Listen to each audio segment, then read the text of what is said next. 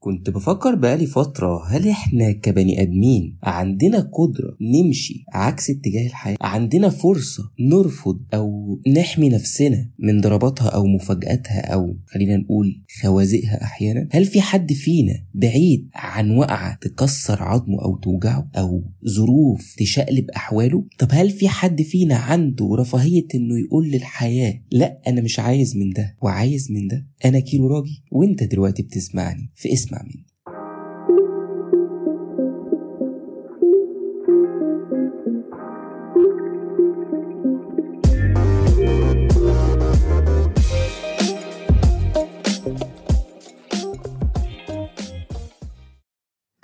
الحقيقة إنه آه، إجابة السؤال اللي أنا سألته في الإنترو إن أنت عندك رفاهية إنك تقول للحياة آه، لا أنا مش عايز في رحلتي من ده الإجابة من وجهة نظري إنه لأ. هل كلامي ده دعوة للإحباط؟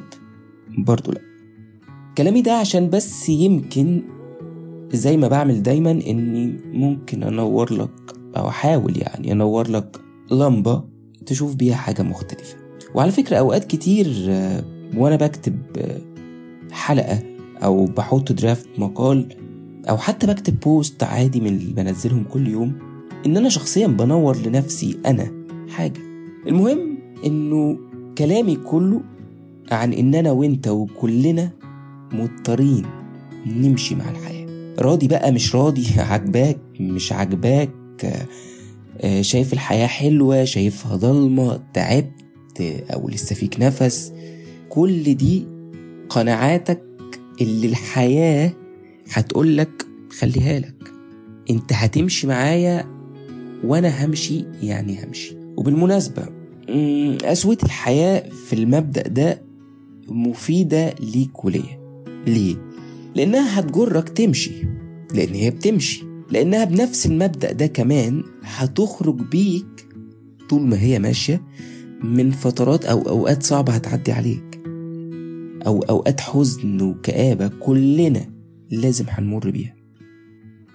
وأهم الحاجات اللي لازم تعملها علشان تعرف تمشي مع الحياة بشكل سليم لروحك. خليني أقولهم لك في شوية بوينتس كده.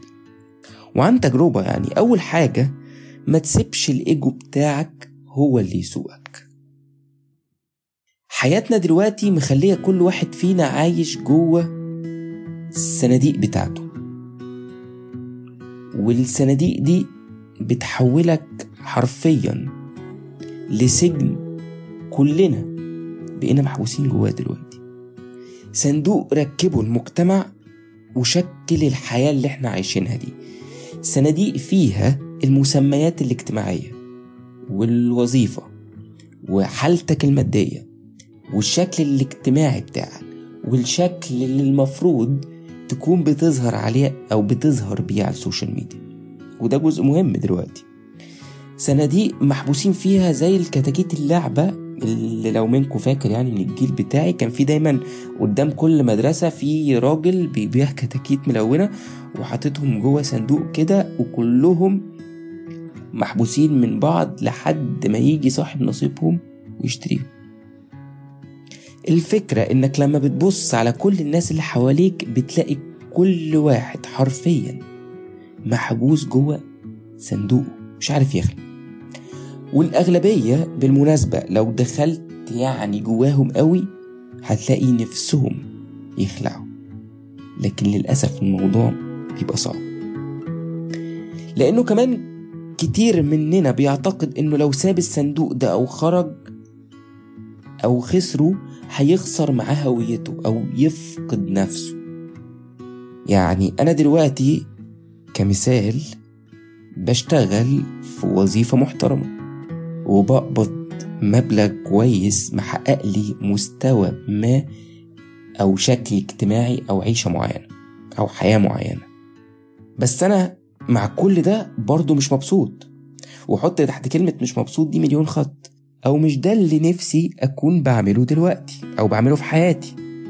بس لو سبت كل ده هفتكر أو بفتكر إني هخسر معاهم حياتي ونفسي لأني شايفهم هما بس المميزات اللي موجودين عندي في الحياة أو الشكل الاجتماعي اللي أنا عليه. وبالمناسبة اللي خرجوا بره الصناديق دي عرفوا إن الموضوع ده وهم كبير ناس بتعيش وتموت وبتضيع حياتها وسعادتها وعمرها كله في وهم. ولو جيت فكرت فيها هتلاقي إنه في الواقع بقى الصناديق دي صنعها البشر وحبسوا نفسهم فيها بمنتهى التعاسة.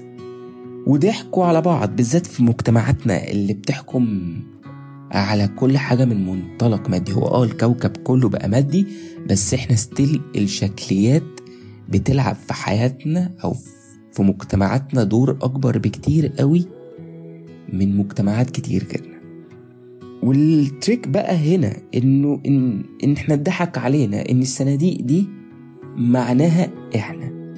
بس الحقيقة بتقول عكس كده إنك زي ما قلت لو سبت شغلك أو خسرت فلوسك أو فشلت في علاقة ده المفروض ما يغيرش من حقيقتك كإنسان. وده ممكن يفسر لك برضو حاجة بنشوفها كتير حوالينا إنه في ناس ليه في ناس لما بتفقد منصب معين أو تخسر فلوس أو تقل شهرتها حياتهم حرفيا بتنتهي وبيكتئبوا وبينعزلوا الحياة بيحسوا إن هم خلاص مش موجودين أصلا بيعيشوا بالظبط زي الميتين.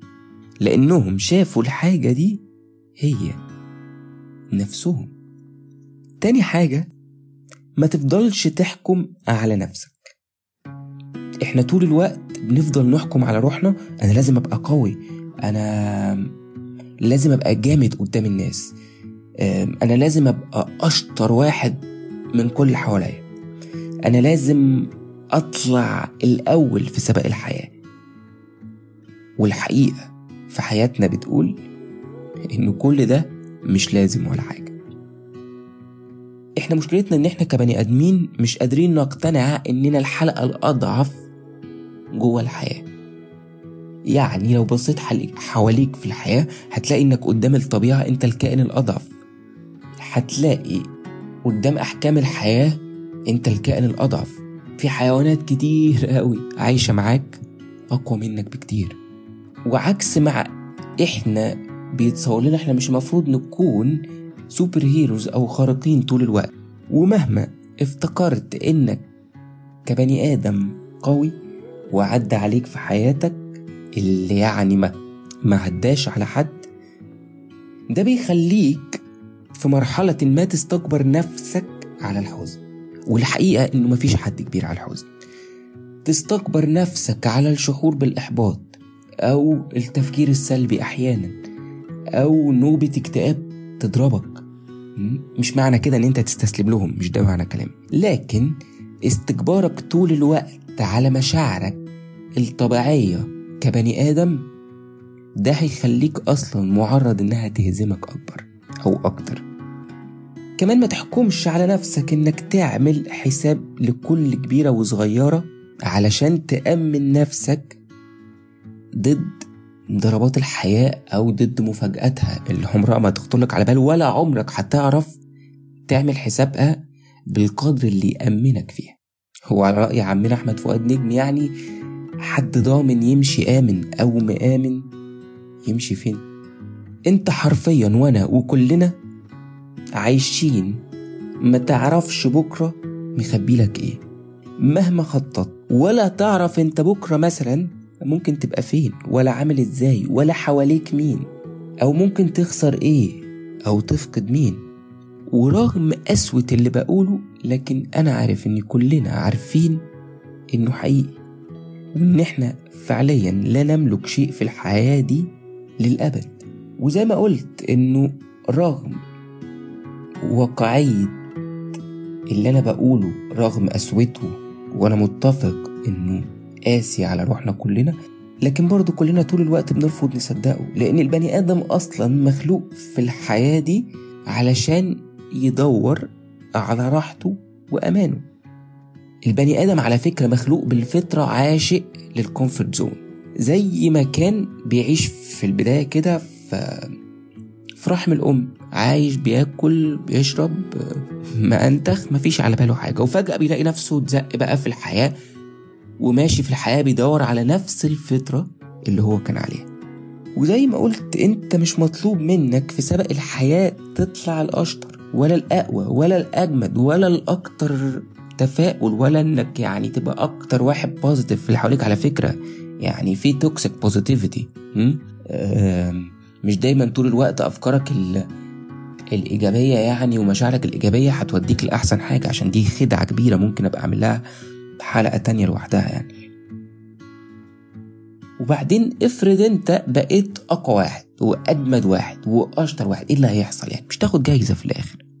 ولا لما تضغط روحك وتدوس وتطلع آخر ما عندك وتشطب حد هينفعك. أو أصلا هتلاقي حد يعني طول ما أنت دايس بنزين على روحك جامد قوي وأنت ماشي في الحياة أنت اللي هتتعب وأنت اللي هتقع وفي الآخر مش هتلاقي حد. ولا هتلاقي حد من اللي أنت عمال تدوس على نفسك عشان تبان قدامهم إنك أشطر وأجمد وأقوى و... وأحسن وأكتر حد يعني قادر يصمد قدام الحياة. وده يعني عن قناعة كبيرة. وعن تجربة برضو. النقطة اللي بعدها هو قانون ثابت في الحياة. معتقد في ناس كتير ممكن تكون سمعت عنه أو عارفاه. وهو إن اللي هتقاومه في الحياة هيزيد. عارف دايما لما حد بيجي يتعلم العوم كده في الأول بيتقال له أسلم حل. لو حسيت إن أنت بتغرق إنك تسيب نفسك للمية تشيلك. وما تحاولش أبدا تعوم عكس التيار. عشان ده هيفقدك طاقة وفي النهاية عمرك ما هتقدر تعوم. عكس التيار لكن لو سبت نفسك للتيار في أمل كبير جدا إنه يرميك على الشط وتنجو في الآخر. وبرغم إن الفعل الأول هو إنك تسيب نفسك للتيار وما تقاومش هو الأسهل والأأمن إلا إن كل بني آدم فينا بطبعه عايز ينجز ويخرج من اللي هو فيه. مش عايز شيء في الحياة يجبره يمشي مع التيار لأن إحنا طول الوقت عايزين نحس إن إحنا قادرين نعاند الحياة قادرين ما تمشيناش على كفة قادرين نقاومها. والحقيقة إنه ده مش دايما بيبقى القرار مش بس الأسلم هو مش بيبقى قرار مطروح أصلا أو مش اختيار قدامك. لأنه في أقدار في الحياة مش هتقدر تقف قدامها بس عقلك وكبريائك بيرفضوا إن الحياة تاخدك مع اتجاه التيار اللي هي عايزة تمشيك فيه. والحقيقة إن ربنا حط في الحياة دي قوانين ثابتة من ضمنها إنه في أفعال وظروف في الحياة وأحكام مش هينفع تقاومها. وكل ما هتقاومها بتزيد. عشان كده تلاقي مثلا في ثقافتنا متداول حواليها يقولك المصايب بتيجي ورا بعضها. أو يقولك المصايب لا تأتي فرادى أو تلاقي إنه كل ما أنت بتقاوم حالة حزن تطول معاك أكتر. وكل ما تروح تشتكي كل اللي أنت فيه أو كل اللي بتشتكي منه يزيد. وكل ما ترفع إيدك تقول للناس انقذوني تلاقي نفسك بتغرق أكتر. وبالمناسبة اللي بيعرفوا يعوموا برضو عارفين المبدأ ده إن أنت أول حاجة لما تيجي تغرق ما ترفعش إيدك لفوق لأن أنت هتقع لتحت. أسلم حل إن إيدك تبقى جنبك. كمان زي ما قلت أنت كده كده في المقاومة بتبذل مجهود ضايع وفي النهاية غالبا مفيش حاجة هتتغير أو مش هتتغير غير في وقتها. وساعات كتير بيبقى أسلم حل إنك تطاطي للتيار إنك تفضل موطي راسك لحد ما العاصفة دي أو الدوامة دي تعدي أو المرحلة اللي في حياتك دي تعدي. لأنه أوقات بيبقى عدم المقاومة زي ما قلت جزء من خطة خروجك ومن خطة تعافيك أصلا. عشان كده هنا وهقولها يعني بالبلدي أوقات بتلاقي ناس مهما بيجرى في حياتها مش فارق معاها قوي. ده مش معناها إن إحنا نعيش مستسلمين. بس في ناس كده لما بتسلمها وتمشي الحياة بتمشي أسهل بكتير قوي. وحاول تاخدها قاعدة مش هقولك اعملها بس هقولك فكر فيها. طول ما انت هتقاوم الحزن هتاخد منه أكتر. هتقاوم ضيقة مادية عدت عليك هتضيق أكتر. هتقاوم قدر من أقدار الحياة في مرض أو موت أو فقد أو خسارة أو أي حاجة انت مالكش دخل فيها حياتك هتتأزم أكتر. فزي ما بيقولوا بره كده let it go وسيب نفسك خالص. النقطة الرابعة اتغير مع الحياة. قريت مرة إنه من أكتر الحاجات اللي بتخلي المية من أعظم وأهم مركبات الحياة إنها بتعرف تتشكل حسب الظروف. يعني تحطها في فريزر تبقى تلج. تحطها في درجة حرارة عالية تتحول بخار. تعرض البخار لظروف معينة يرجع مية تاني. تشربها تعمل منها أكل تعمل بيها قهوة تعمل بيها شاي تعمل بيها عصير. كل حاجة بالمية متاحة. هي معاك في كل الظروف وتحت أي شكل. إحنا كمان جايين الحياة المفروض. عشان نحاول نعمل كده. مش نتغير من أصلنا لكن نتأقلم مع شكل الحياة اللي إحنا بنتحط فيه. لأن هي مش طول الوقت الحياة هتدينا الحياة المثالية اللي إحنا نفسنا نعيش فيها. يعني ما كانش حد أصلا تعب في حياته. إحنا طول ما إحنا ماشيين في رحلة حياتنا دي هنتحط في كتير أوضاع مش مناسبة لينا. في ظروف كتير ما كناش عايزين نتحط فيها. في حاجات مش قابلينها بس لازم نتعايش أو نتأقلم معاها لأنه غير اني رفضها مش دايما بيكون في إيدينا. لأنه في حاجات بيبقى رفضها صعب أو تغييرها بياخد وقت. فأنت لازم تتأقلم معاها لحد ما تغيرها آخر نقطة حس بتأثير أبسط الأشياء الحلوة. شوف مفيش يوم واحد هيعدي عليك مفيش فيه. ولو شيء بسيط واحد هيحصل ممكن يحسسك بمشاعر حلوة أو بحبة سلام نفسي يدخلوا يغطوا شوية على قلقك أو ربنا يطبطب كده على قلبك الحزين بحاجة تشم منها ريحة فرح أو حاجة تطبطب على روحك المتهالكة. القضية كلها في أنت وأنا بناخد بالنا من الحاجات دي وإحنا ماشيين في حياتنا ولا لأ؟ فكرة رفضنا لروحنا ولظروفنا فكرة هتصعب عليك الحياة أوي أوي أوي. وطول ما أنت رافض تمشي مع الحياة هتوصل لنتيجتين. إنك هتيجي مع الوقت هتكره نفسك لحد ما تلاقي روحك عايش مع شخص اللي هو أنا كارهه فعلا. شخص شايفه ضعيف شايفه سلبي شايفه وحش شايفه أقل من كل اللي حواليه أضعف من كل اللي حواليه. والحاجة التانية إنك هتحس إن رجليك خطوتها تقيلة قوي مع الحياة. في النهاية كلنا لازم هنمشي مع الحياة. فأنت حاول تتعلم تمشي معاها. زي ما هي هتلاقيها أسهل بكتير قوي. وهتلاقي حياتك بتتحسن بشكل كبير قوي. وحط في عقلك طول ما انت ماشي معاها انه في حاجات دايما في الحياة هتبقى مش ليك وفي حاجات في الحياة هتبقى مش بتاعتك. حاجات في الحياة انت مش هتختارها وفي حاجات في الحياة قدرية لازم هترفع لها إيدك وتسلم ليها. وبس كده أتمنى تكون الحلقة دي عجبتكم أو طلعتوا منها أي حاجة ممكن تفيد أي حد تقدروا تتابعوا كل اللي بكتبه على فيسبوك على الانستجرام @كيرو راجي هتلاقوا links في ال description كمان ما تنسوش تعملوا subscribe من أي مكان بتسمعوني منه عشان توصل لكم notifications بالحلقات الجاية. سلام.